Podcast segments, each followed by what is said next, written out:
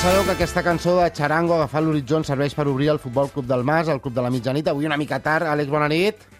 Bona nit, com esteu? Reprenem amb tu el fil del partit de dimarts, d'aquest Inter-Barça. Eh, abans, però, rematem el partit d'ahir a Mallorca, sobretot pel concepte de rival que es va trobar el Barça, un, un equip amb dues línies eh, molt juntes, eh, més aviat a prop de porteria pròpia, que deixen poc espai entre elles. Mm, No seria catenaccio, però és difícil d'atacar. I, I com es poden superar aquest tipus de defenses com la que va plantejar el Mallorca de Javier Aguirre?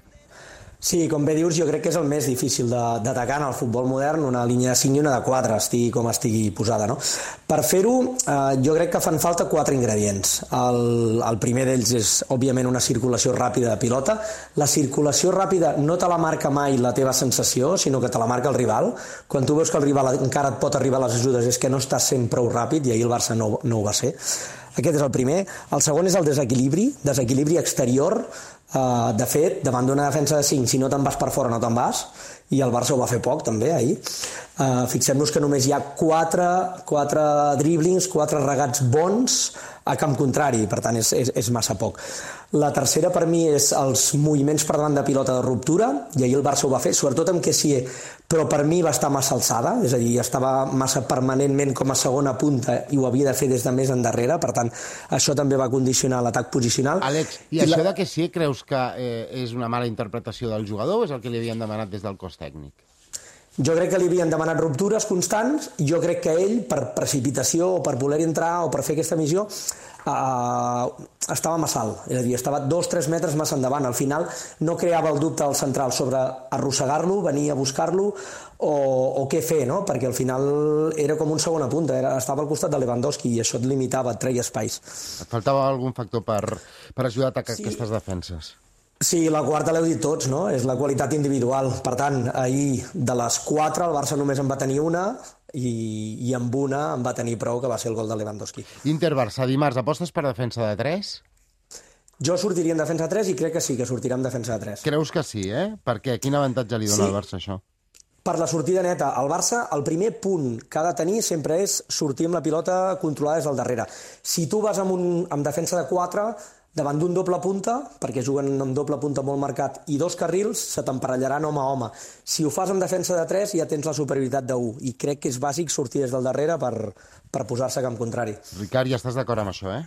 Absolutament, i sobretot la interpretació que fa Xavi eh, ja va fer a Noeta. Hi ha pocs equips que juguin avui en dia amb, amb dos davanters tan marcats. Normalment es juga amb, amb davanter i mitja punta o amb davanter i dues bandes, eh, però per ella de davanters n'hi ha pocs. I jo crec que aquests partits el Barça els jugarà amb tres defenses per tenir aquesta superioritat numèrica. Una altra cosa és com organitza el mig camp, perquè a diferència de la Real, que juga amb romba, l'Inter juga amb dos carrils llargs. I aquí és on tinc més dubtes. A partir del, dels tres defenses, què farà? Ahir Valde va fer de la lateral dret, a, a cama canviada. Mm, per què creus, Àlex, que es va decidir per Alejandro Valde i no per Jordi Alba?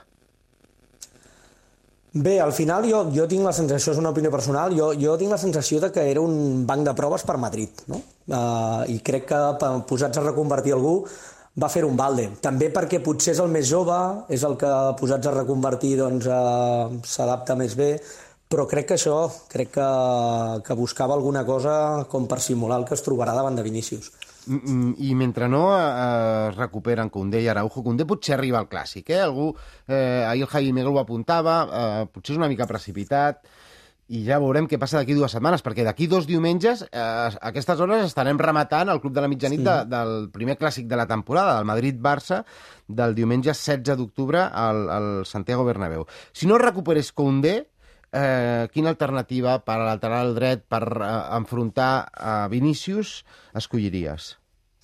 Jo Valde, sens dubte. I fixa't que jo al principi tenia dubtes, eh? no el veia reconvertit, però després de veure el partit d'ahir no, tinc, no tinc cap dubte. És a dir, hi ha dues tipologies de, de, de lateral reconvertit que pots buscar. No? Una és, si ha de tenir molt pes ofensiu, evidentment Valde estarà limitat, però si ha de ser un corrector, per mi no hi ha cap altre corrector millor a la plantilla que Valde en aquests moments, eh, dels, dels Sants, diguéssim. Ahir fa una carrera amb Jaume Costa i en fa una altra, crec que és la segona part, on es veu que té cames. Per tant, Valde allà, sempre i quan estigui tutelat per un central en el seu costat que li indiqui una mica la posició, jo crec que és la millor opció. La resta, eh, quina seria la vostra aposta? Si no pot jugar, Koundé per ocupar la lateral dret del Barça. Torque. Jo, Valde em sembla una bona... Ahir també ho va dir el nostre Bernabéu, el David, que, que, que podia estar pensant en Madrid. Jo mm, encara no estic del tot convençut, sobretot pels fonaments defensius en el cara a cara. I Vinícius moltes vegades t'encara, no només et va buscar l'esquena. Eh, jo, Marcos Alonso. Marcos Alonso, eh? Uri. Bellerín no arriba, no? Són 3-4 setmanes. Bellerín no arriba, no. Potser diria Eric. Eric Garcia, eh? Com a lateral dret. L'any passat va patir força al camp del Villarreal. Sònia, quin seria el teu candidat? Sí, jo apostaria per lateral a cama canviada. Sí, pel que... Valde o Marcos Alonso... Sí, sí, sí. Ferran, Amb tu poc tens... convenciment, eh? Però, però és que Jo no tens molta alternativa. Jo també tinc molts dubtes i també em quedaria en la línia de la, de la Sònia o Marcos Alonso o Valde. O sigui que entre Valde i Marcos Alonso i l'Eric Garcia que ha apuntat eh, l'Oriol Domènech eh, hi hauria aquesta opció. Perquè dimarts tres defenses són tres centrals? Dimarts, tres defenses. Bé, jo crec que un dels tres pot ser Marcos Alonso, però dependrà del que necessiti a les bandes o de com organitzi l'equip a partir dels tres defenses. Christensen, Eric, Marcos Alonso, per exemple. Podria ser una possibilitat. I després al mig camp, eh, com, com l'organitzaríem? Què seria més raonable a nivell d'ocupació d'espais?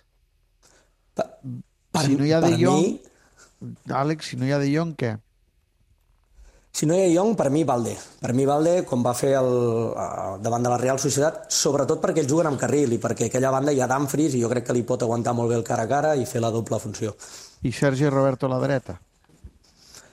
No, i a la dreta amb extrem, per mi. Amb... Perquè Rafinha, Ah, exacte, Rafinha, no? Rafinha és bastant disciplinat, no? Sí, i té molta feina defensiva, sí senyor. És treballador, sí, sí. I amb el Leeds, a més a més, també també havia jugat en aquesta posició alguna vegada. dos extrems, un davanter centre i, i lateral frontissa, no? Amb, amb Valdes, la idea que més o menys eh, t'has imaginat, Àlex. Eh, Frontissa és el concepte que utilitza el Ricard eh, molt sovint per aquest lateral que, que fa gairebé Que més migcampista. Sí. Sí, sí, sí, ho sé, ho sé, perquè us escolto.